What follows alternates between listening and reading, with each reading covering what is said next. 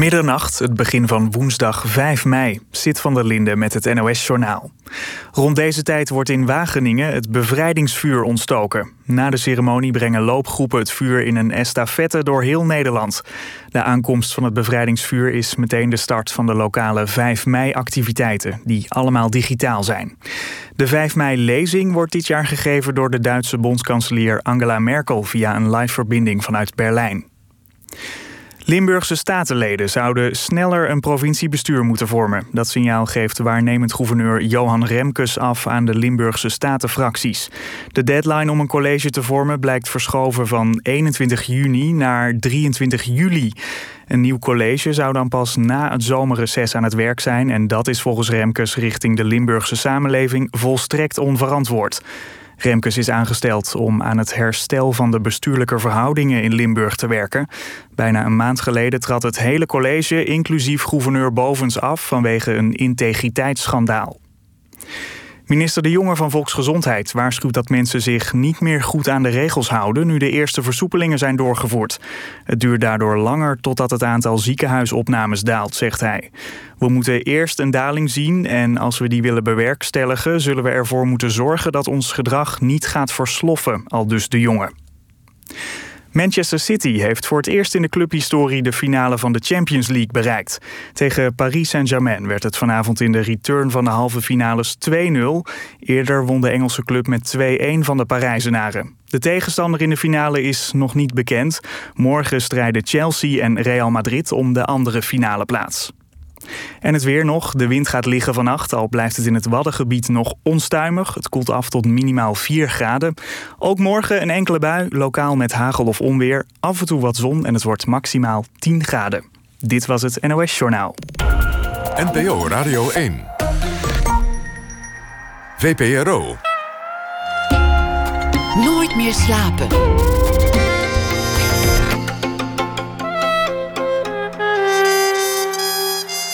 Pieter van der Wielen. Goedenacht en welkom bij Nooit meer slapen. Het begin van 5 mei, bevrijdingsdag. Die bevrijding, 5 mei 1945, wordt maar al te vaak voorgesteld als het moment waarna alles goed was. Het moment waar soms het verhaal ook ophoudt. Inmiddels weten we beter. Joodse Nederlanders en verzetsmensen die terugkeerden uit de kampen, die overleefd hadden, wachten na thuiskomst een weinig soepele terugreis, een koude kermis en een kille behandeling. Over die moeizame repatriëring, over het moeilijk doen over het teruggeven van ingepikte huizen en bezittingen en over het schrijnende gebrek aan empathie schreef eh, mijn collega Michal Citroen alweer twintig jaar geleden een boek dat nu in een herziene versie verschenen is. Het is ook een radioreeks geworden. U wordt door niemand verwacht. Het verhaal begint mooier. Het verhaal begint met het verhaal dat haar opa en oma samen vertelden aan de bedrand van de jonge kleindochter. Over hoe opa onverwachts de straat weer inliep en oma de afwas uit haar handen liet vallen. Plots waren ze herenigd. Het is een romantische anekdote. Michal Citroen werd geboren in 1958. Ze is schrijver, historicus, programmamaker bij het programma OVT op deze zender. Michal, hartelijk welkom. Leuk dat je er bent. Ja, en een keer in een andere rol. Ik zat altijd daar waar jij zit. Op om deze OVT stoel? te presenteren, ja, tot 2,5 jaar geleden. Wil je liever op deze stoel zitten? Nee. Of maakt dat, maakt dat niet uit? maakt het ook meteen duidelijk dat het anders is. Oh ja, nee, ja ik, kan, kan me zo voorstellen als je die studio altijd vanuit de andere hoek ziet, dat je ineens denkt van goh, wat, ja, dat, uh, wat ontwrichtend dit precies. allemaal. Vertel eens over dat, dat moment van je grootouders, die anekdote die je steeds weer als kind wilde horen. Hoe ging dat? Wat, wat vertelden ze dan? Nou ja, een beetje wat jij zegt over hoe die, hoe die thuis kwam uit het kamp. Uh, ik logeerde heel veel bij mijn grootouders. Ik was echt gek op mijn grootvader. Hij ook op mij. Ik, denk, ik was de gelukkige van de kleinkinderen. Want dat, ja, dat heb je wel eens zo. Dat, ik had een speciale band met hem. En uh, ik kan me niet zo goed herinneren op welke leeftijd ik voor het eerst misschien heb, vaag heb begrepen wat Auschwitz was. Ja, dat het iets niet oké okay was. Want uh, ja, dat, dat het woord, dat, dat noemden we thuis niet. Je weet wel, is het ooit wel eens geweest? Of, uh, maar ik, ik, hij kende het wel, ook het nummer in zijn arm. Want we stonden naast elkaar in de, in de badkamer. Hij had zo'n tatoeage, die kon je zien. Ja. Ehm, en hij vertelde niet echt over het, over het kamp. Later wel over, over het einde, over zijn ja, bevrijding. Als je het zo wil noemen. Ehm, maar wel dus altijd dat verhaal over thuiskomen. Ik had daar gewoon heel erg behoefte aan, blijkbaar. Om te horen dat het, dat het allemaal oké was. Dat hij terug was gekomen uit het kamp. En we leefden lang en gelukkig. Dat was het sprookje. Het was natuurlijk een blij verhaal. Iemand kwam terug, bleek nog in leven. Ja, dat, een, een, een geliefde stel herenigd. Precies, en de kinderen hadden het. Uh, de kinderen hadden ondergedoken gezeten, dus die hadden het ook overleefd. mijn grootvader was al een dochter en een vrouw voor de oorlog kwijtgeraakt. En uh, mijn vader, zijn broer en zijn zus die hadden het overleefd. Dus het, het, het gaf het idee van, uh, ja, we, iedereen ging weer verder en het was, het was oké. En mijn grootvader was in principe ook wel oké. Mijn grootvader is echt een, blijkt uit alles, een overlever. Mijn vader, die ondergedoken had gezeten, had veel meer last van de oorlog. En misschien dat ik dat als kind wel, ja, ervaren heb op een bepaalde manier. En het is dus later dat hij tegen me zei: Ja, van dat spookje, dat is nou wel, eh, daar zijn we nou wel een beetje klaar mee. Uh, want ja, het was natuurlijk helemaal niet zo. Leefden nog langer gelukkig. Want de ellende, een groot deel van de ellende moest toen nog, nou ja, niet beginnen, maar het was, was nog echt niet afgelopen. Toen het nog een sprookje was, het mooie verhaal. Je, je, je oma staat af te wassen. En iemand zegt: Goh, ja, je man komt eraan. Ja, dat heeft hij later ook wel uitgelegd. Want hij ja, het is dat, het, de eerste versie is dat niemand wist of hij nog leefde. Uh, zo heb ik het ook altijd uh, tot uh, vijf jaar geleden gedacht. dat het, en, en, en hij vertelt dan ook dat hij aankwam lopen. En dat hij een, een, bekende zag, de, de, buurman of weet ik veel wat. En dat hij gezegd: waarschuw ze dat ik er aankom, want ze, ze zullen wel schrikken. Dus mijn oma stond te koken en iemand klopte op het raam en die zei: Je man komt eraan. En toen is ze de straat op gerend, inderdaad. En toen, toen liep hij daar. En toen was Nederland al een tijd bevrijd, want hij heeft er lang over gedaan om terug te komen. En uh, hij zag er ook goed uit. Hij had maanden door Opper Silesië gezworven en had intussen weer, uh, ja, weer bijgegeten en bruin op een boot van Odessa naar Marseille met een enorme omweg is hij is die teruggekeerd. Een, een, wonderlijke reis. Ja, heel veel mensen die, uh, die, die Auschwitz overleefd hebben, hebben diezelfde reis gemaakt. Kijk, Auschwitz is aan het eind januari, dan, dan, dan de, trekken de Duitsers met iedereen die nog kan lopen eigenlijk. En die trekken ze. Nou, die, die, die, die, die, verlaten ze het kamp. En dan zijn de, de, de dodenmarsen, waar nog ook zoveel mensen doodgaan. Dan blijven er een aantal blijven doodziek achter in het, uh, in het kamp. Uh, maar mijn, vader, mijn grootvader gaat mee op de dodenmars. En dan op een gegeven moment... Uh, ik, ik, ik, geloof dat hij nog met een, met een, met een kamp-collega, vriend loopt te sjouwen. En dat hij op een gegeven moment zegt... ja, dit, dit, dit wordt helemaal niks, dat gaan we niet redden. En dan verstoppen ze zich. En dan is een onderdeel van het verhaal nog... dat vond ik als kind ook heel spannend... dat hij dan nog betrapt wordt door de verhalen lopen uiteen. Ik weet nou nooit of dat een Nederlandse SS'er is of een, of, een, of een Duitse soldaat. Maar ik hou het altijd op een, op een Duitse soldaat die zegt... nou, verrekken jullie maar bij de Russen en bekijk het maar. En die, verraden, die verraadt ze dus niet verstopt in het uh, stro, zo stel ik me dan voor. En op het moment dat de Duitsers en iedereen verder trekt... draaien ze zich om en gaan ze richting de Russen. En dat verhaal, dat komt die wel in geur en kleur. Mijn, vader, mijn grootvader kon een goed verhaal vertellen over hoe ze door de sneeuw eh, aan het sjouwen zijn. En dat de Russen dan aankomen met witte lange jassen. En dat ze de, uh, hun uh, wapens op hun richten. En op het moment dat ze in de gaten krijgen dat ze concentratiekampgevangenen zijn...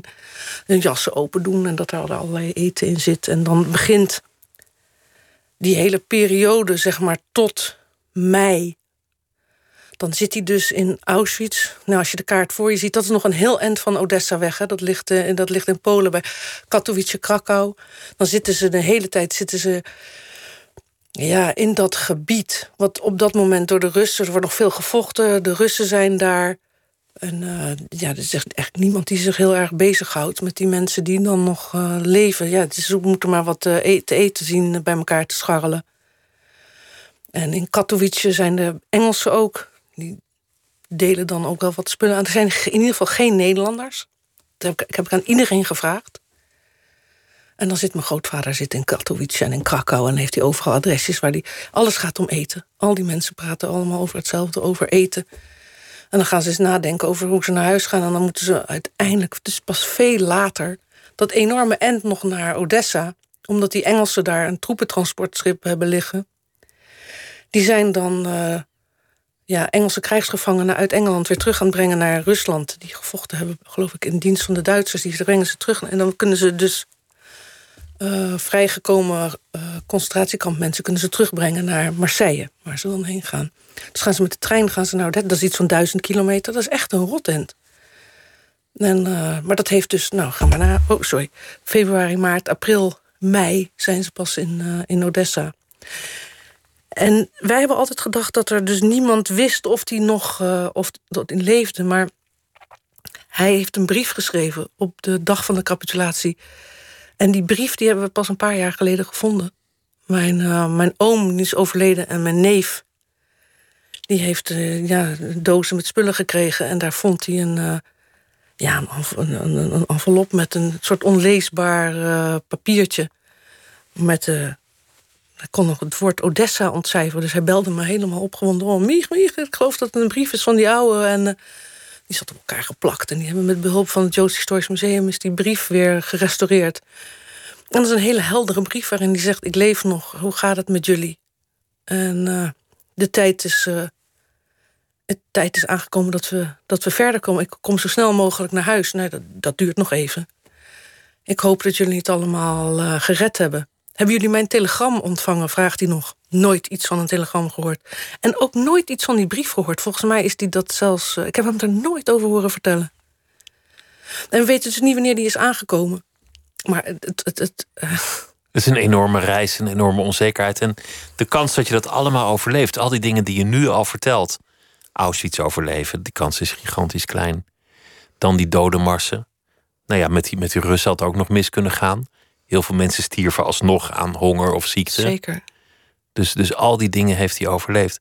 Wel, wat André van Duin vandaag zei op, op de Dam... en, en iets, iets wat me wel vaker opvalt... is dat ouders en grootouders het verhaal altijd milder vertellen... omdat ze hun kinderen en kleinkinderen willen sparen voor de, voor de werkelijkheid. Dat ze, dat ze het vaak een beetje afdoen. of vraag er maar niet naar. Of het, of het leuke deel vertellen. Of het positieve deel. Heel vaak gebeurt dat.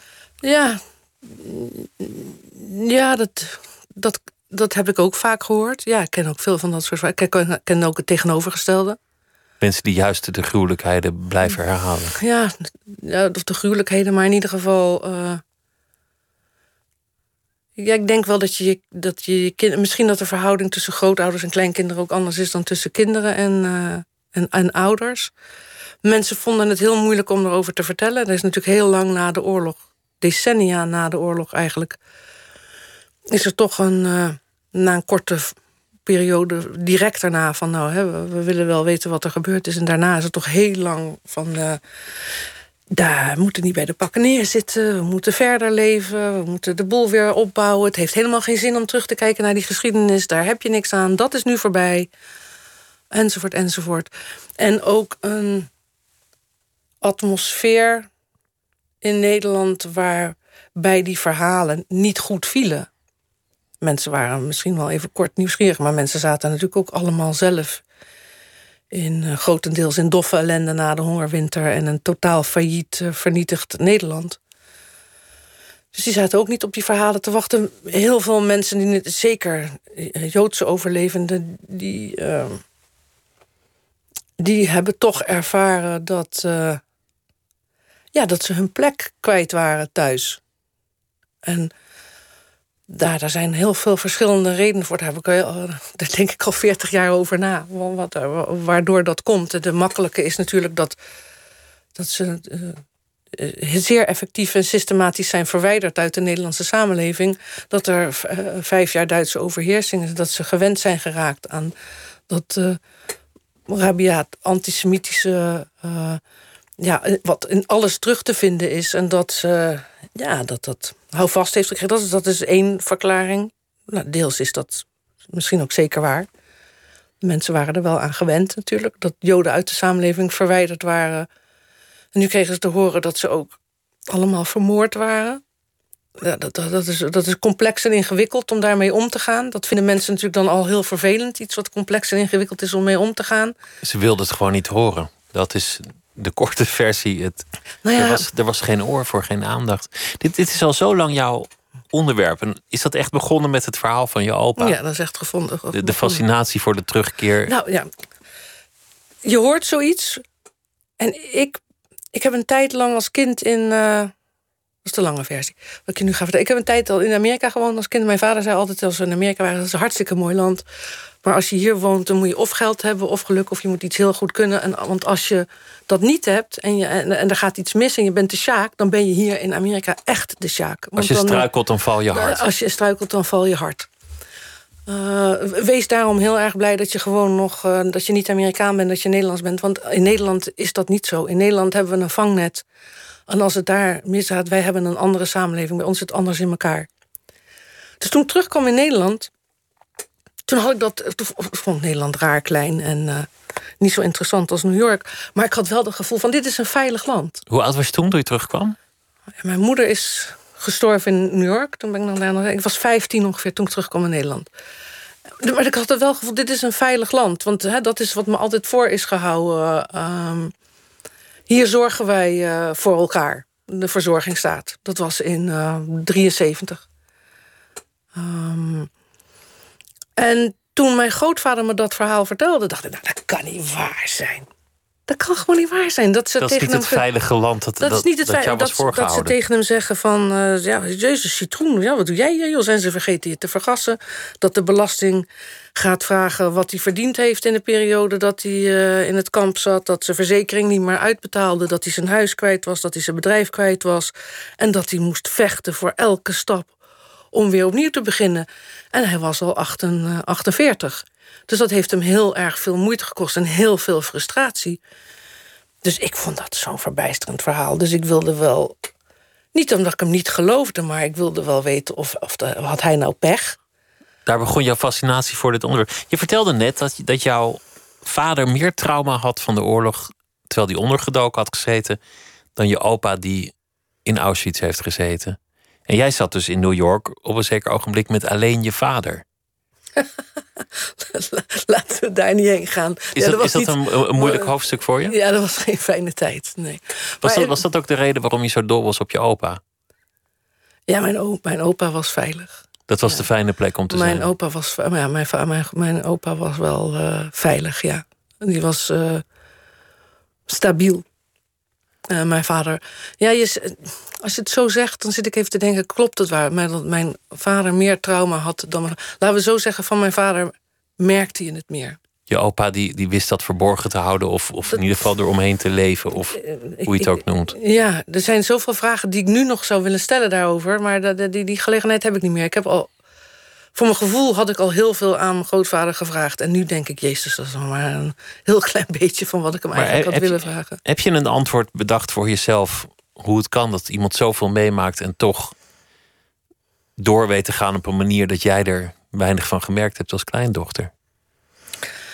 Nou, ik heb die vraag heel vaak gesteld aan mensen waarvan ik dacht dat, dat die beter daar eh, na zouden kunnen denken dan ik, wiens vak het is. Eh, zoals bijvoorbeeld eh, de psychiater Bastiaans, die later heel erg bezig is geweest met het uh, KZ-syndroom. Van het Centrum 4045. 4045 met, eh, met Hans Kelson, de psychiater en schrijver, die, die ook heel veel kinderen en, en mensen heeft behandeld. De man die mij het verhaal heeft verteld over de mevrouw die aankomt op het station. En die te horen krijgt: Oh, wie bent u? Namelijk opgezegd: Oh, u wordt door niemand verwacht. En die vervolgens kan gaan. Waarbij die dan later vertelt dat die mevrouw daar. eh, nou ja, nog decennia na de oorlog nog last van heeft. Van, van die opmerking. En dat ze altijd naar het huis gaat waar ze ooit gewoond heeft met de ouders. om te wachten en te wachten en te wachten. Maar goed, eh, daar, heb ik het aan gevraagd. Van hoe, hoe, hoe verklaar je nou zoiets? Dat, dat, dat verschil tussen. In ieder geval mijn grootvader en mijn vader. En misschien komt dat vaker voor. Dus de mensen die in de onderduik hebben gezeten en terugkomen uit de kampen. Waarbij dokter Els was in Israël. De huisarts die heel veel met uh, uh, overlevenden in zijn praktijk heeft gehad in Israël. Die zei, ja, maar je moet wel bedenken... mensen die in een kamp hebben gezeten... die, dat, die hebben alleen maar tijd gehad om te overleven. Die hebben in de overlevingsstand gestaan. Alles wat ze deden had te maken met zorgen dat ze aan eten komen, zorgen dat ze niet, niet de, de, de, lul zijn hè, in relatie tot de bewakers, uh, zorgen dat ze kleding hebben, zorgen dat ze warm blijven, zorgen dat ze een baantje hebben, ten koste van, dat weten we niet allemaal. Die zijn alleen maar aan het overleven. Mensen die ondergedoken hebben gezeten, of het nou een half jaar, een jaar of twee jaar is, die hebben in een kast of in een kippenhok of weet ik veel waar gezeten. En die hebben 24 uur, 24-7 hebben die de tijd gehad om na te denken van... ik word misschien gepakt. Ik ben bang om gepakt te worden. Hé, hey, dat zijn voetstappen. Misschien zijn dat de Duitsers die me komen pakken. En wat gebeurt er dan? Dus dat is een heel andere ontwikkeling van het potentiële trauma. Dat is een totaal ander trauma. Ik heb ook wel eens gelezen dat, dat een, een, een posttraumatische stressstoornis... een woord dat toen nog niet bestond... dat dat vaak pas 20, 30 jaar later zich echt openbaart. Dat dat niet iets is dat, dat direct na zo'n gebeurtenis uh, aan het licht komt. Nou, maar vaak pas op de oude dag. Heel veel artsen die wisten niet wat ze mee. Die wisten niet wat voor mensen ze in hun praktijk krijgen. Mensen die beschadigd terugkwamen uit de concentratiekampen, beschadigd terugkwamen uit de onderduik, lichamelijk, maar ook psychisch. Dus heel veel huisartsen, dokter uh, uh, mensen, die artsen beschrijven dat. We wisten niet wat we zagen, we wisten niet wat we ermee moesten doen. Dus het advies is. Probeer de boel weer op te pakken. Meneer Benjamins, die terugkomt in Rotterdam, die heeft helemaal niets meer. Zijn hele familie, zijn hele gezin is vermoord. Hij staat er in zijn streepjespak van: Oh, hij wilde zo graag naar Rotterdam. En dan zegt de huisarts tegen hem: Ja, Benjamins, dat heeft helemaal geen zin om daar nog verder over na te denken. Je moet een nieuwe vrouw vinden, je moet weer uh, aan de slag. Um, het, heeft helemaal geen zin om daar nog uh, op, op, verder op terug te kijken. Dus dat, dat, is het advies. En dan is er een psychiater Tas, de beroemde Tas, die, die schrijft al een artikel die zegt.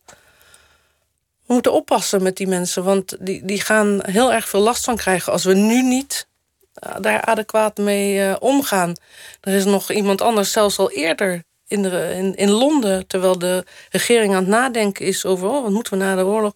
En die zegt: we moeten oppassen, we moeten die mensen koesteren, we moeten die mensen ontvangen, we moeten die mensen welkom heten. Want die zijn heel ernstig getraumatiseerd. Want hij had onderzoek gedaan naar Eerste Wereldoorlogslachtoffers in uh, Engeland. Dus die wist wel enigszins waar hij het over had. Maar daar was in Nederland gewoon helemaal geen, uh, geen aandacht voor. Ook omdat Nederland was volstrekt failliet. Er was helemaal niks meer. Het, het, land lag in puin, het geld was op. Iedereen had zijn eigen ellende Iedereen meegemaakt. ja, de hongerwinter was ook verschrikkelijk. Er was natuurlijk ook nog niet genoeg eten. Er gingen nog steeds allerlei mensen dood. Er waren geen huizen. Uh, de, de, de, de, Rotterdamse haven moest weer op gang komen. De, de, de, er moesten als een gek kolen geproduceerd worden in Limburg. De Canadezen en de Amerikanen die regelden alles. Desalniettemin, als je al die verhalen leest die je hebt opgetekend. Het begon bij je studie. Je bent tijdens je studie al op dit onderwerp afgestudeerd. Bij de radio heb je heel veel interviews en reportages gemaakt door, door de jaren heen. En dit boek, wat, wat nu in deze versie er ligt. Je behandelt dat verhaal heel systematisch. De repatriëring. Hoe, hoe zit het eigenlijk met de materiële kanten? Met nou ja, al die aspecten die er zitten aan zo'n terugkeer. Het is elke bladzij weer chockerend. Het is elke bladzij weer, zelfs met al die omstandigheden die jij noemt, verbazingwekkend hoe Kilder is omgegaan met die teruggekeerden. Het is, het is haast onvoorstelbaar. Het lijkt een soort reflex, vind je niet? Het is. Ehm, Wat bedoel je met een reflex? Nou, ik heb, ik heb hier alsmaar over nagedacht. En naarmate je zelf ouder wordt, ga je steeds anders over dingen nadenken. Dus in het begin was ik voornamelijk boos. Ik denk, nou, dat, is, dat, zijn, die, dat zijn antisemieten, dat zijn klootzakken. Wat zijn dat voor verschrikkelijke mensen? Uh, ga zo maar door. Dus dat is. Uh, wat, hoe, hoe kunnen mensen zo doen? Hoe kan je zo vreed zijn tegen iemand die zoveel heeft meegemaakt? Hoe, hoe verzin je het? Hè? Uh, nou, op een gegeven moment ga je dan denken van... ja, nou ja, oké, er zijn misschien allerlei verzachten. Het zijn altijd vragen van hoe, hoe kan dat nou? Hoe, hoe, haal je het in je hoofd om aan iemand waarvan je hoort dat hij... waarbij zijn vrouw en zijn kinderen zijn vermoord... Zijn, eh, die is alles kwijt. Alle bezittingen van die mensen zijn ook nog. alles is geroofd. Hè? Huis ingepikt. Alle, noem, noem het maar op. Ze hebben alles moeten inleveren wat ze, als ze wat hadden. En dan, eh, dan is er een schade-enquêtecommissie die god beter, het is opgericht om mensen weer op weg te helpen. En dan komt meneer Benjamins aan en die wil dan toch weer kijken... Nou, ondanks alles of hij uh, zijn textielzaakje weer uh, op kan. En dan vragen ze naar zijn kwitanties.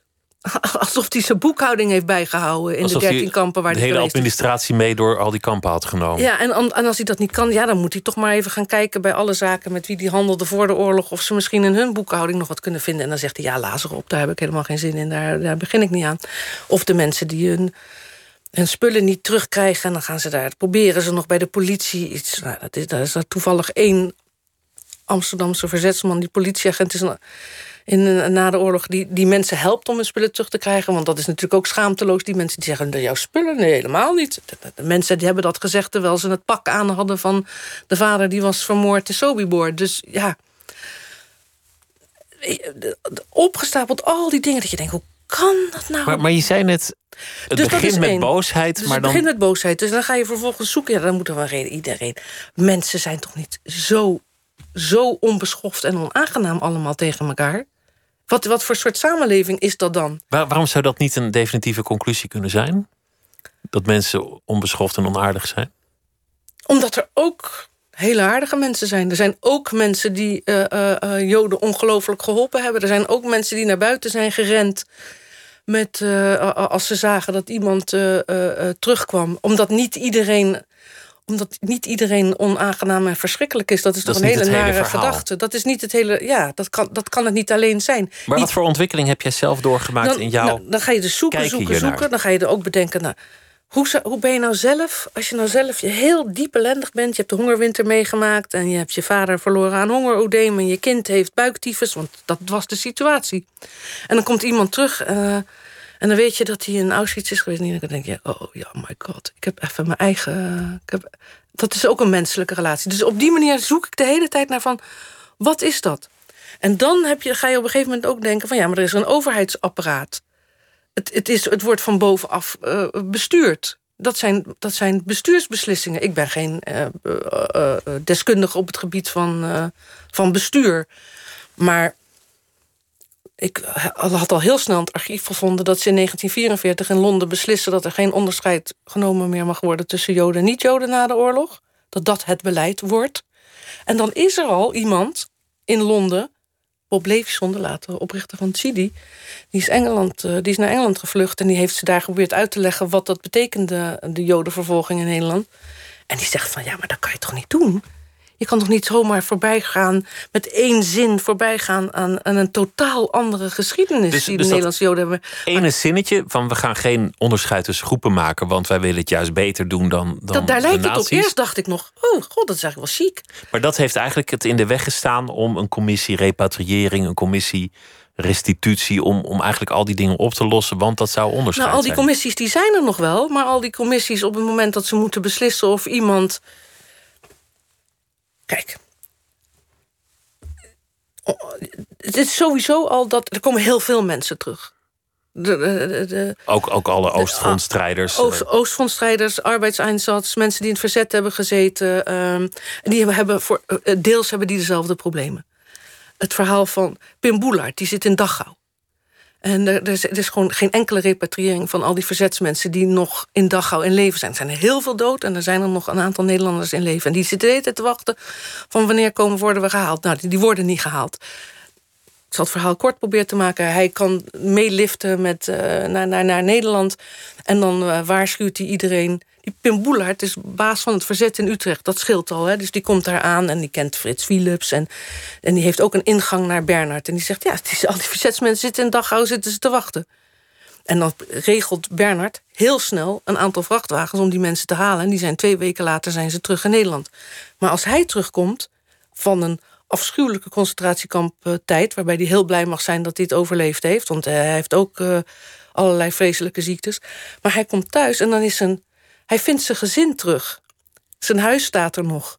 Er is een soort erkenning voor wat hij uh, gedaan heeft. Dat is anders thuiskomen dan als je alleen op het Centraal Station aankomt... of in de Philipsfabriek wordt opgevangen. En er is gewoon helemaal niets of niemand meer.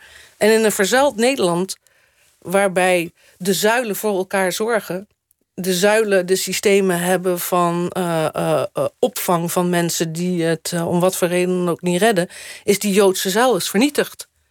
Dus er zijn nog een paar duizend mensen die hun uiterste best doen. Joden die opduiken, religieuze, die, die, die paar die er nog zijn, die doen hun uiterste best om die Joodse gemeenschap weer op te bouwen met bijna niks, want 75% is vermoord. En die worden geholpen door de joint. Maar de Nederlandse overheid heeft gezegd: er is geen onderscheid meer. Maar er is wel een andere vervolgingsgeschiedenis. Dus die Bob Levensson die zegt tegen mij: ja, die mensen in Londen waren verschrikkelijk. Dat waren zulke domme mensen. De mensen die zeiden: ja, dat die, dat, die dat gedaan. En toen zaten we dus over te praten. Die of ongelooflijk geraffineerd.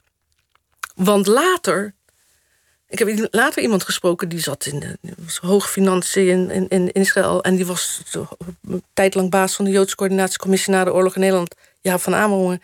Die leerde Liefding kennen. Die toen de minister van Financiën was. Die zei: Wat heb je nou eigenlijk gedaan in die tijd? Want ze kende maar goed. Hij, zei, hij zegt letterlijk: Die Liefding die was helemaal geen antisemiet. Maar het was een hele antisemitische beslissing waar die achter heeft gestaan.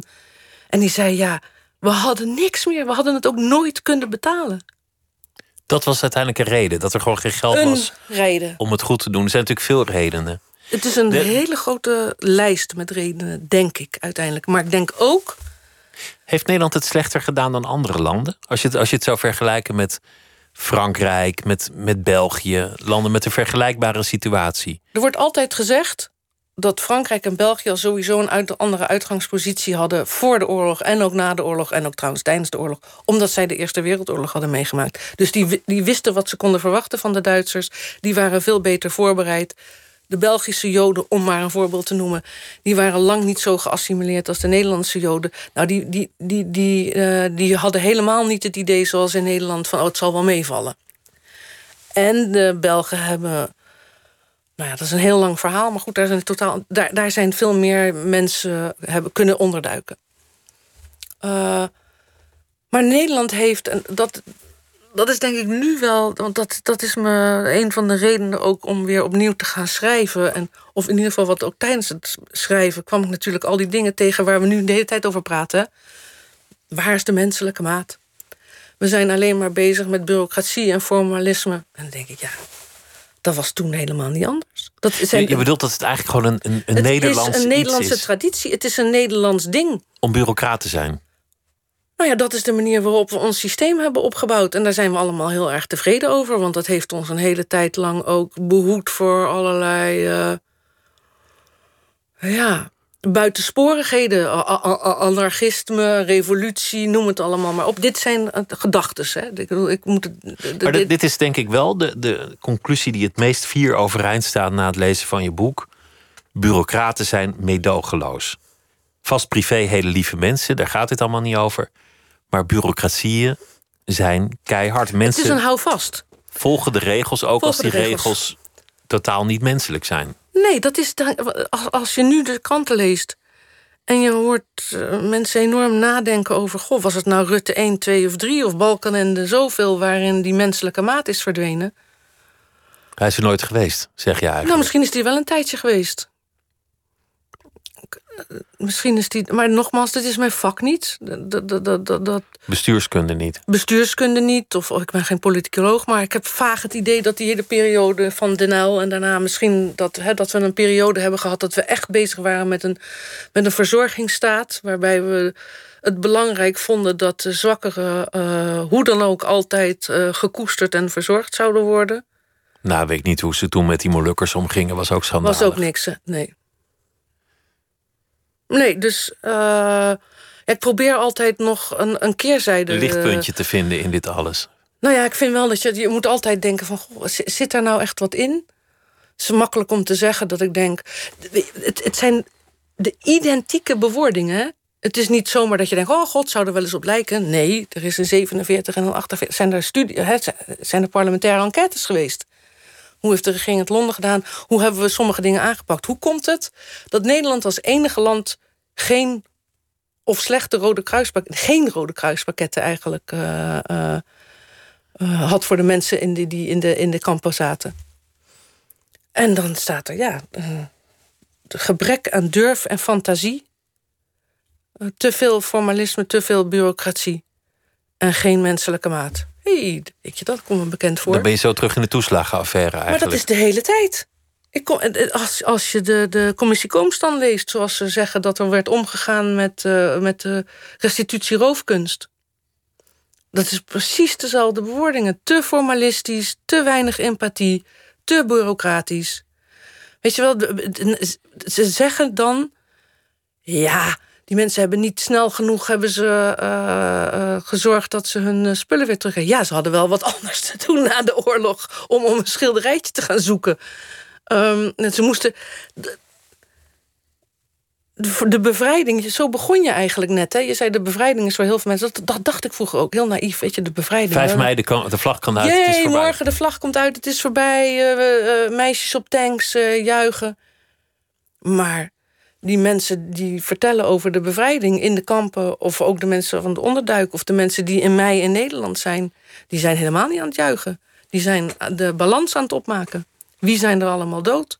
Dus een buiten afschuwelijk beeld van de opperrabijn Tal... die de, al, al meteen een paar dagen na de bevrijding... Um, de eerste religieuze bijeenkomst organiseert in Amsterdam. En daar komen mensen overal vandaan naartoe, want de mensen horen dat. En dan is die, terwijl dat bezig is, is die de hele tijd aan het, om zich heen aan het kijken om te zien of er iemand is die misschien weet wat er met zijn zoon is gebeurd, die naar Sobi, omdat hij nog steeds niet weet uh, uh, of die nog leeft. Ja, die is meteen in Sobibor bij aankomst vergast.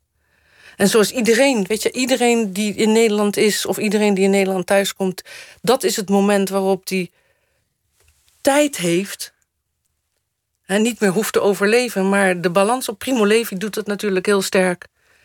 Waarin die, de, bevrijding, de bevrijding klonk als een doffe klap. Omdat we toen wisten en, en dan, toen stil konden staan bij wat er allemaal gebeurd is, wat we hadden meegemaakt. En, en dan begint de weg terug. En dan, ja, als die weg terug er is. Het is eigenlijk loont het vaak wel als historici, wat ze tegenwoordig ook vaker doen, de geschiedenis van de Tweede Wereldoorlog iets eerder laten beginnen. Dus niet in 39. En vooral iets later laten eindigen. Dat je de geschiedenis laat doorlopen tot zeg 1950. Want het hele continent was nog op drift.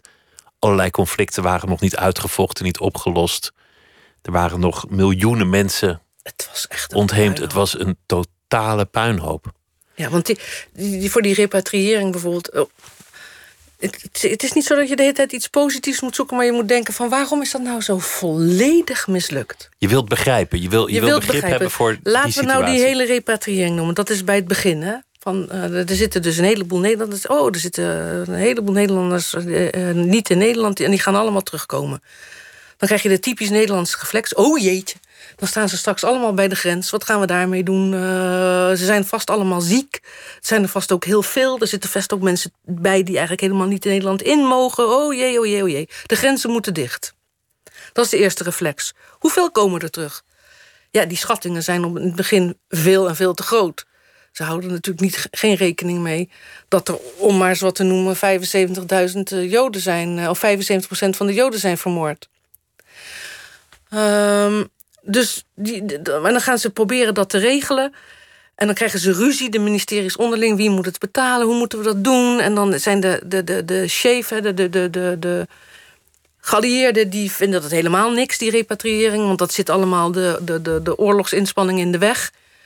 Want je moet niet allerlei mensen hebben die met bussen of met weet ik veel wat uh, naar het oosten gaan. Want uh, daar zijn de oprukkende legers en dat loopt, iedereen loopt daar elkaar maar in de weg. Dus dan gaan ze zich aan de regels. Ja, nee, het mag niet. En uh, die bussen hebben we eigenlijk misschien ook daar. Hoor. We hebben daar eigenlijk het geld niet voor. En we moeten vooral die grenzen dicht doen. Dat is al een reflex. En dan krijgen ze ruzie, want op een gegeven moment heeft het militair gezag gezegd van wij moeten het beslissen. En, het kabinet in Londen wij moeten het doen. Nou ja, goed, dat is een fiasco. Dat is heel typisch Nederlands uh, gedoe. Hè? Op papier allemaal prima geregeld. Jij nou, bent daar kan het eigenlijk voor. En... Op een gegeven moment kon het gewoon de prullenbak in, omdat, omdat het niet werkt. Het gevolg is dat er dan ook bijna niemand in de kampen wordt opgevangen. En die Belgen en die Fransen die doen dat heel anders. Want die, die weten hoe het moet. Maar jij, jij beschrijft dat er een fanfare staat te spelen in, in de, de haven van Marseille. Dat is ook zo. En dat wordt de, de enorme. Dat de vlag eh, uitging als ze landen voor de mensen die per vliegtuig terugkwamen. Ja. Dat er medische zorg is geregeld. Meisjes die de treinen. En mijn, mijn grootvader heeft het letterlijk over meisjes die de treinen inkomen met manden met kersen en wijn. Ab Carranza zegt dat hij voor het eerst in zijn leven eh, eh, eh, dronken is. Dat hij, dat, hij, dat hij zoveel te eten krijgt en zoveel warmte. Richard van Dam, die in Parijs aankomt, die vertelt dat de mensen de, de, de, de huizen uitliepen om ze toe te juichen omdat ze het hadden overleefd. Wat, wat maakt dat wel niet uit, zeg? En mijn grootvader zegt ook, en dan vervolgens komen we met de trein naar Nederland en dan beginnen ze te schreeuwen: de trein niet uit! Ik heb hem opgenomen. En dan eh, het cassette is een bandje is een beetje opgekrikt. En dan hoor je hem echt zo schreeuwen: Niet in de trein blijven, niet uitstappen. Zo worden ze, komen ze aan in Nederland. Waarom mochten ze er niet uit? Omdat het dan Omdat ze bang waren voor besmettelijke ziektes. En omdat ze met, eh, geregistreerd moesten worden. En noem het allemaal maar op. Duurlacher beschrijft dat ongelooflijk mooi. In, eh, in, in, in hoe hij aankomt in Nederland. Is precies hetzelfde beeld. Weer die doffe kampsfeer. Weer luidsprekers die iets roepen. eh, wachten op registratie. eh, Het was een probleem dat je terugkwam eigenlijk. Dat, dat lijkt het signaal te zijn. Wat, wat- wat, heeft dit jou, voor, voor wie het inschakelt? Michal Citroen zit tegenover mij, heeft een radioreeks gemaakt en een, een boek over de, de terugkeer uit de kampen na de Tweede Wereldoorlog. Maar wat heeft het jou eigenlijk gebracht om al die jaren je zo uitvoerig hierin te verdiepen? Je hebt zoveel mensen gesproken, archieven uitgeplozen, boeken gelezen, verhalen opgediept. Het, het begon met een persoonlijke nieuwsgierigheid. Je wilde eigenlijk iets voor jezelf oplossen. op een gegeven moment wordt het. eh, ik, moet het ik moet het goed formuleren. Op een gegeven moment wordt het prettig als je zich, eh, eh, om van iets, iets te weten. Of te denken dat je iets weet. In ieder geval zoveel te weten dat je dingen snel kan plaatsen als je weer nieuwe informatie krijgt. En dat wordt steeds meer. Dan wil je steeds meer weten over de puzzel. Je wil steeds meer begrijpen. En naarmate je ouder wordt, ga je misschien ook weer anders naar, naar dingen kijken. En dat wordt een. eh, En het is ook iets anders. Ik vind heel veel mensen die ik geïnterviewd heb. Ja, die mensen zijn bijna allemaal. Die mensen zijn eigenlijk bijna allemaal dood. En die mensen hebben allemaal uren met mij eh, hun, hun, hun verhaal ver- willen delen. En voor heel veel mensen, voor een aantal mensen was dat ook de eerste keer. Want wat we En net zeiden, dat, dat mensen misschien niet hun kinderen en kleinkinderen willen belasten met het verhaal. Jij was natuurlijk neutraal. Je kwam met een bandrecorder, je was een verslaggever. Dus tegen, tegen jou kon het. Ja, en, en zelfs ook een hele tijd niet, nog, nog niet met een bandrecorder. Dus ik was ook wel vaak de eerste ik, eh, aan, aan wie het verhaal eh, werd, eh, werd verteld. Dat is, dat is ook zo. Dat, het, misschien ook door de tijd. Intussen was het eind jaren zeventig, begin jaren tachtig. En ehm, toen was er nog niet zoveel belangstelling geweest voor die tijd na de oorlog. En die tijd na de oorlog was misschien makkelijker om over te praten dan wat er tijdens de oorlog gebe- gebeurd was. Dus, ehm, maar je zei, wat heeft het mij gebracht? Ja, wat, ik, ik vind dat ik die mensen wel wat verschuldigd ben door dat alsmaar weer te willen vertellen. Zodat hun verhaal verteld kan worden. Maar, maar waarom ben Ja, jij die mensen iets verschuldigd? Omdat ze mij het verhaal verteld hebben. Jij hebt die informatie, dus jij moet er iets mee doen. Want, want jij bent de enige die het nog kan vertellen. Nou ja, er zijn intussen, is, intussen is er wel. Toen, toen had ik dat. Toen, toen was er nog niet zo heel veel belangstelling voor. Toen was het een redelijk nieuw eh, eh, verhaal. Dat is natuurlijk echt wel veranderd. Sinds je hebt, je hebt de. de, eh, ik denk dat veel mensen zich dat nog wel kunnen herinneren. De Liro-affaire eind eh, in, in, in 97, waarbij ze het eh, verloren gewaande archief vinden van Lima Roosdaal. De mensen van de Groene Amsterdammer hebben dat helemaal uitgeplozen. Dat was echt een schok.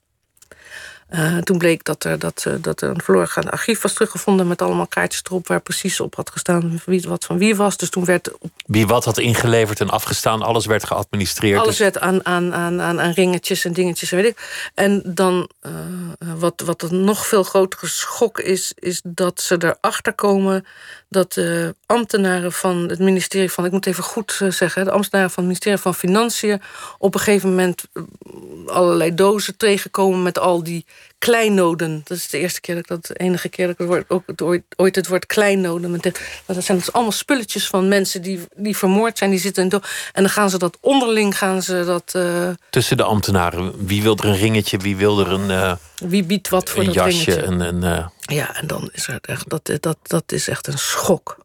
Dan gaan mensen voor het eerst nadenken van... Jezus, wat hebben we... Wat, hoe kan zoiets gebeuren? En, um, en dan, dan, dan is er denk ik ook een andere generatie... nieuwere generatie... Uh, kinderen van de mensen die het hebben overleefd... Die, die, waarvan je in algemene zin zijn altijd uitzonderingen... waarbij je bij de eerste generatie kan je zeggen... dat zijn heel vaak mensen die hun mond hebben gehouden... die zijn opgegaan in het geheel... die zichzelf misschien ook voor een deel... zoals bijvoorbeeld een oom van mij... voor een deel er alles aan deden om vooral niet meer als Joods gezien te worden... niet opvallen, verder leven. Want dat was gevaarlijk gebleken. Dat was gevaarlijk gebleken. Uh, en de, de, en dan zijn we zoveel jaren verder en dan is er een nieuwe generatie die denkt van ja, we gaan onze hele geschiedenis toch niet verlogen. Wij, zijn er gewoon en we hebben ook het recht om er te zijn. Dus die doen hun mond open en dan krijg je een hele andere periode. Uh, na, uh, zeg maar, rond de eeuwwisseling, de jaren ervoor en daarna, dan heb je, krijg je alle onderzoeken naar wat er met het Joodse geld is gebeurd. Er zijn excuses, de Belastingdienst heeft excuses gemaakt, ook wel. Ja, die excuses, dat duurt nog even. Maar ze gaan eerst alles, allerlei commissie die gaan uitzoeken van... Uh, hoe zit het nou met die verzekeringen die alles niet hebben uitbetaald... omdat uh, de premies niet waren. Mijn grootvader kreeg gewoon niks uitbetaald... want je had, had zijn premie niet op tijd betaald. De premie niet betaald omdat hij in Auschwitz zat? Omdat hij in Auschwitz zat. De, de Joodse, de, de, mensen van het NIOT... Uh, die hebben daar een schitterend boek over geschreven met onderzoek. De openstaande rekeningen toen ze erachter kwamen een paar jaar geleden. Dat mensen, de Joodse huiseigenaren in Amsterdam. Uh, niet alleen hun erfpacht nog moesten betalen over de periode dat ze in het kamp zaten. Of in Westerbork, Westerbork en vervolgens in het kamp zaten. En hun huis door anderen werd bewoond. Niet alleen dat ze de erfpacht moesten betalen over die jaren. Maar dat ze een boete kregen omdat ze die erfpacht niet op tijd hadden betaald. Wegens te laat betalen. En ja. Zo zijn er ook voorbeelden van, van lokale ja. belastingen, de rioolheffing, terwijl je er al lang niet meer was. Er is een schier eindeloze reeks van dit soort uh, uh, voorbeelden. Ik moet even terug naar, naar mijn verhaal. Want we hadden het erover dat, dat het jou iets heeft gebracht om die kennis te hebben. Om die kennis te vertellen, omdat mensen het jou hebben verteld en, en vaak aan niemand anders. En dat er een soort verandering is opgetreden. Zij het heel veel later. Je zei rond de, rond de eeuwwisseling, zeg vanaf 1997. Ja, dus dan begint er een hele nieuwe fase waarbij er toch heel veel onderzoek is gedaan naar. Uh, en dan krijg je het grote SOTO-project, Stichting Opvang Terugkeer en Onderzoek. Uh, waarbij de, de, de, de, de Nederlandse regering uh, onderzoek financiert ook naar alle mensen die terug. Want ik heb het dan heel specifiek over mensen, Joden die terugkeren, maar. Er zijn natuurlijk allerlei mensen die, die na de oorlog terugkeren, weer opduiken. En uh, op, op, allemaal op hun eigen manier. Mensen uit, Nederlands-Indië. Dat is, ook één groot. Die zijn het al even. De Molukkers. De mensen die, van, die terugkomen van de. die te, van te werk gesteld zijn in Duitsland. Die hebben allemaal hun eigen problematieken. Dus dan verandert die, die, die, die informatie wel. En nu. Ja, ik heb gewoon weer allerlei nieuwe dingen gevonden die ik heel graag erbij wilde schrijven. En omdat je toch ook elke keer weer denkt... ik heb me heel erg opgewonden over die kinderen. Die kinderen uit, uh, uit Moria die niet... Uh, en elke keer weer, als ik erover begin... Over, over de, de, de, die, vluchtelingen. Over de vluchtelingen, die, die, die minderjarige kinderen die in Griekenland zijn... en die wij niet hebben uh, in eerste instantie niet wilden opvangen. Daar, daar werd ik zo verschrikkelijk boos van. Um, en toen dacht ik van ja, we leren dus niet. Kijk, kijk naar die geschiedenis. Kijk naar de dingen die je wel moet doen en die je niet doet. En hoe afschuwelijk dat is achteraf. In 38 hebben wij Duitse Joden teruggestuurd bij de grens. Zo de vernietiging tegemoet. En nu laten we dus weer kinderen uit oorlogsgebieden laten we niet. Dat horen wij te doen. We hebben toch een enorm grote mond over Nederland-Gidsland. Wij zijn toch zo tolerant. Wij hebben toch zo goed voor elkaar hier dan is het toch onbestaanbaar dat je die kinderen hier niet naartoe haalt. Dan ga je toch niet een beetje zeuren over wat er daarna allemaal kan gebeuren. Dat, is toch, dat, dat doe je toch niet? En daar word ik zo kwaad van elke keer. En zo zijn er dus meer dingen waarvan ik denk... dat doe je niet als beschaafd land. En dat is mensen, slachtoffers, in de kou laten staan. Ik, ik las dat in mijn geboortedorp Oegstgeest... nu een, een aantal asielzoekers hebben gehuisvest onder voorwaarde dat er een routekaartje is dat ze niet door de Ja, ja, lopen gelezen, als ze naar de supermarkt gaan. Ik, ik, ja, ik moest erom lachen. Maar ik moest erom lachen zoals in dat, dat liedje van lachen om niet te gaan precies, huilen. Ja. Maar zo, zo zijn er dus nog wel meer dingen waarvan ik elke keer. Nu ook weer. Die, die, die kindertoeslagenaffaire, denk ik, hoe haalde je het in je hoofd? Om als belastingdienst te denken dat je die mensen dus nog veel dieper in de schulden moet jagen. Waarvan je zeker weet dat ze dat nooit kunnen betalen. Dus het is niet alleen die ouders, maar ook die kinderen volledig te vernietigen. Daar zit je toch bij. Je ziet het toch gebeuren. Dat doe je toch niet? Dat is hoe bureaucratie werkt. Dat, dat, dat zal toch mijn conclusie zijn. Ja, maar dat is dus niet, dat, zo horen wij niet te werken. Er, moet, er is toch een morele kompas. We hebben toch altijd ook een grote muil over onze morele. Ja, ik word kwaad. Dat, we hebben toch een grote mond over hoe Ik wij vind het leuk denken als je te kwaad zijn. wordt. Ik vind, ik, vind het, ik vind het leuk om te zien dat, dat, dat Nou ja, en- opwinding een motivatie is bij jou. Ja, ik word toch elke keer weer, weer boos. Vooral ook omdat die vergelijkingen, die zijn gewoon echt één op één bijna. In ieder geval in de bewoordingen ervan. Dezelfde termen worden gebruikt in, in dossiers en, en rapporten. Toch sta je vrolijk in het leven. Heb ik de indruk. Ja. Of is dat niet zo? Ja, ik ben heel gelukkig. Ja. Maar, maar ook, ook een lichtvoetig persoon. Een, een, Lichtvoetig. ja, lichtvoetig kan ook als een belediging klinken, maar ik bedoel Dat iemand ik die, die de zonnige kant ziet. Nou, Of valt dat tegen? Ja, ja vaak wel. Ja, maar ook wel vaak niet. Ja. Ik ben natuurlijk wel opgevoed. Dat ieder, ik denk dat elk gezin waarbij een grootvader in het kamp heeft gezeten en een vader in de onder de. Elk eh, gezin heeft zo wel zijn, eh, zijn eh, eigen portie baggertje. En bij ons viel het heel erg mee, maar eh Auschwitz was altijd erger. Dus dat heeft wel dat. dat- Dus je moest niet veel klagen, want Auschwitz was erger. Dan, Auschwitz dan blijft er heel weinig over waar je over kan klagen trouwens. ja. Als dat de maatstaf is. Maar eh, ik ben wel altijd heel. ik ben wel altijd heel erg bang om de mensen waar ik van hou kwijt te raken. Dat, is, dat heeft een enorm grote invloed op mijn leven, ja. En ik, dat zal er ook mee samenhangen. Echt veilig is het nooit geworden. Ja, niet omdat we niet vanwege Jood zijn of zo. Gewoon de angst dat het kan gebeuren. Ja. Dat er iets kan gebeuren, dat er een onbestemd gevaar is. En dat je niet veilig bent. Ja. En waarin uitzicht dat dan? Hoe, hoe merk je dat? Hoe gaat dat? Nou ja, ja, gewoon wakker liggen en bang zijn dat er iets gebeurt. Ja, ik weet niet hoe uitzicht dat. Ja, zo. Nou, wakker liggen vind ik best wel groot. Ja, nou, ja, dat is niet altijd zo. Nee, maar anders, zag je er heel Nee, anders la- uit. laten we het houden bij. Ik ben hartstikke lichtvoetig. Ja. Nee, ja, zo maar kom, ik kan, zo me, kom ik, je kan me ook wel, over. ik kan wel heel erg kwaad maken over dat soort dingen. Ik, weet je, ik, ik heb het tegen een andere journalist gezegd. Rut, weet je wel, oh, ik ben historicus. En dan denk ik, godverdomme, ja, sorry. Maar kijk dan verdomme eens naar die geschiedenis. En maak dan toch niet diezelfde fouten. Want het is niet zo heel erg moeilijk. Er zijn mensen die gewaarschuwd hebben. Er zijn mensen die letterlijk gewaarschuwd hebben in Londen van... jongens, laten we het niet zo aanpakken. Laten we niet zo die mensen in de kou laten staan... omdat we ons verliezen in allerlei regeltjes. Want dan gaan we ons later enorm schamen voor wat we doen... en kunnen we ook daarvoor aangeklaagd worden.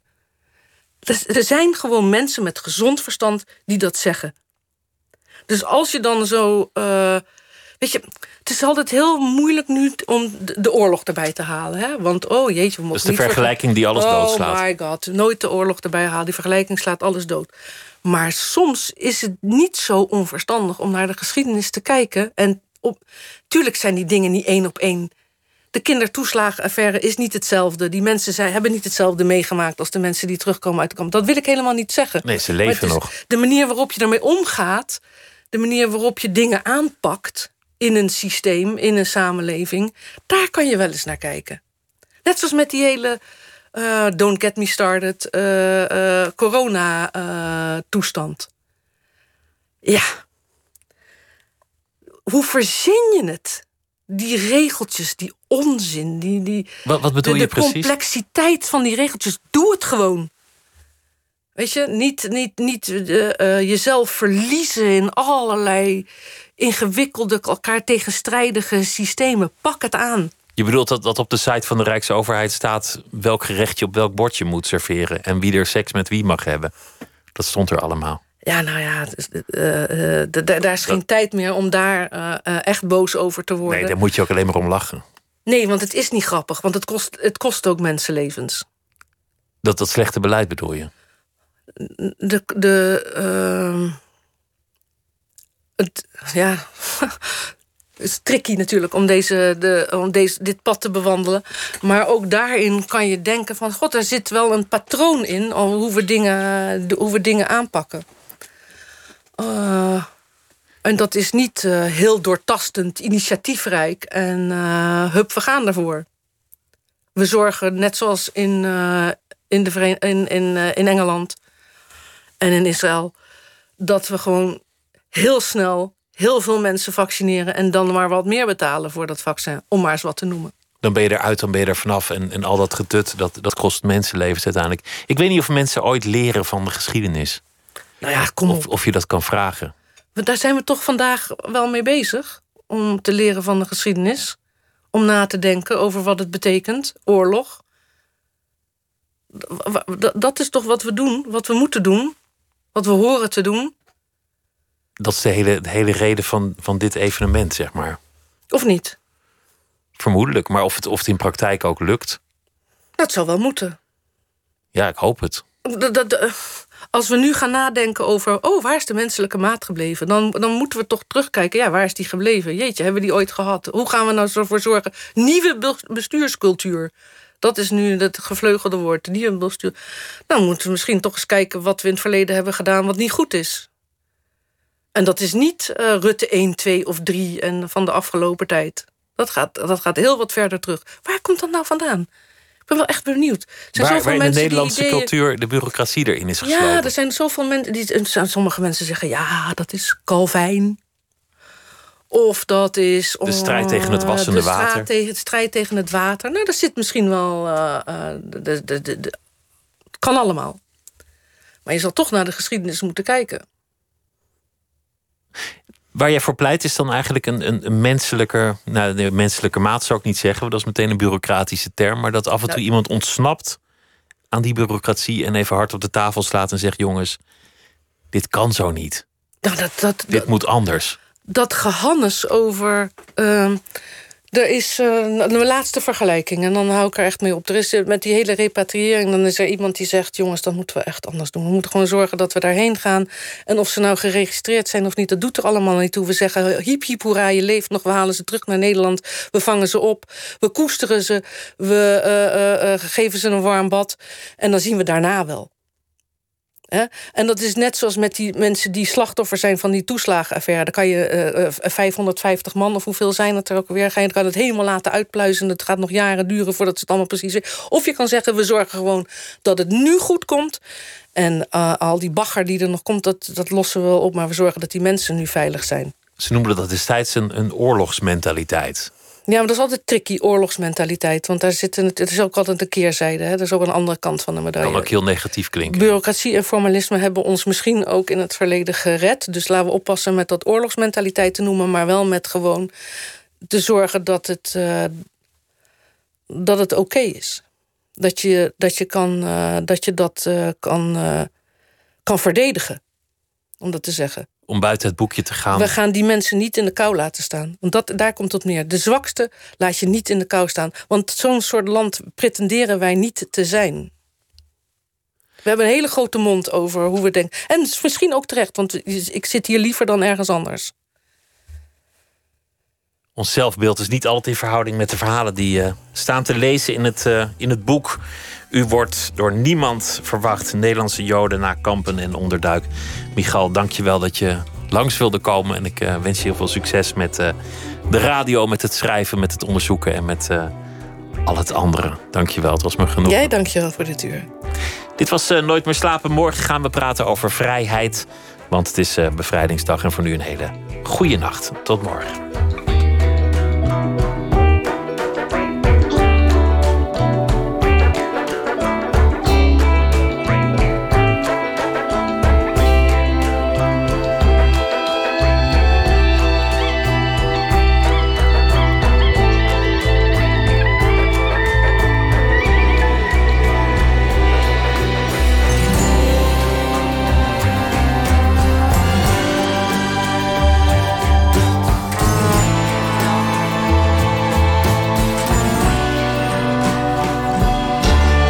Radio 1. Het nieuws van alle kanten.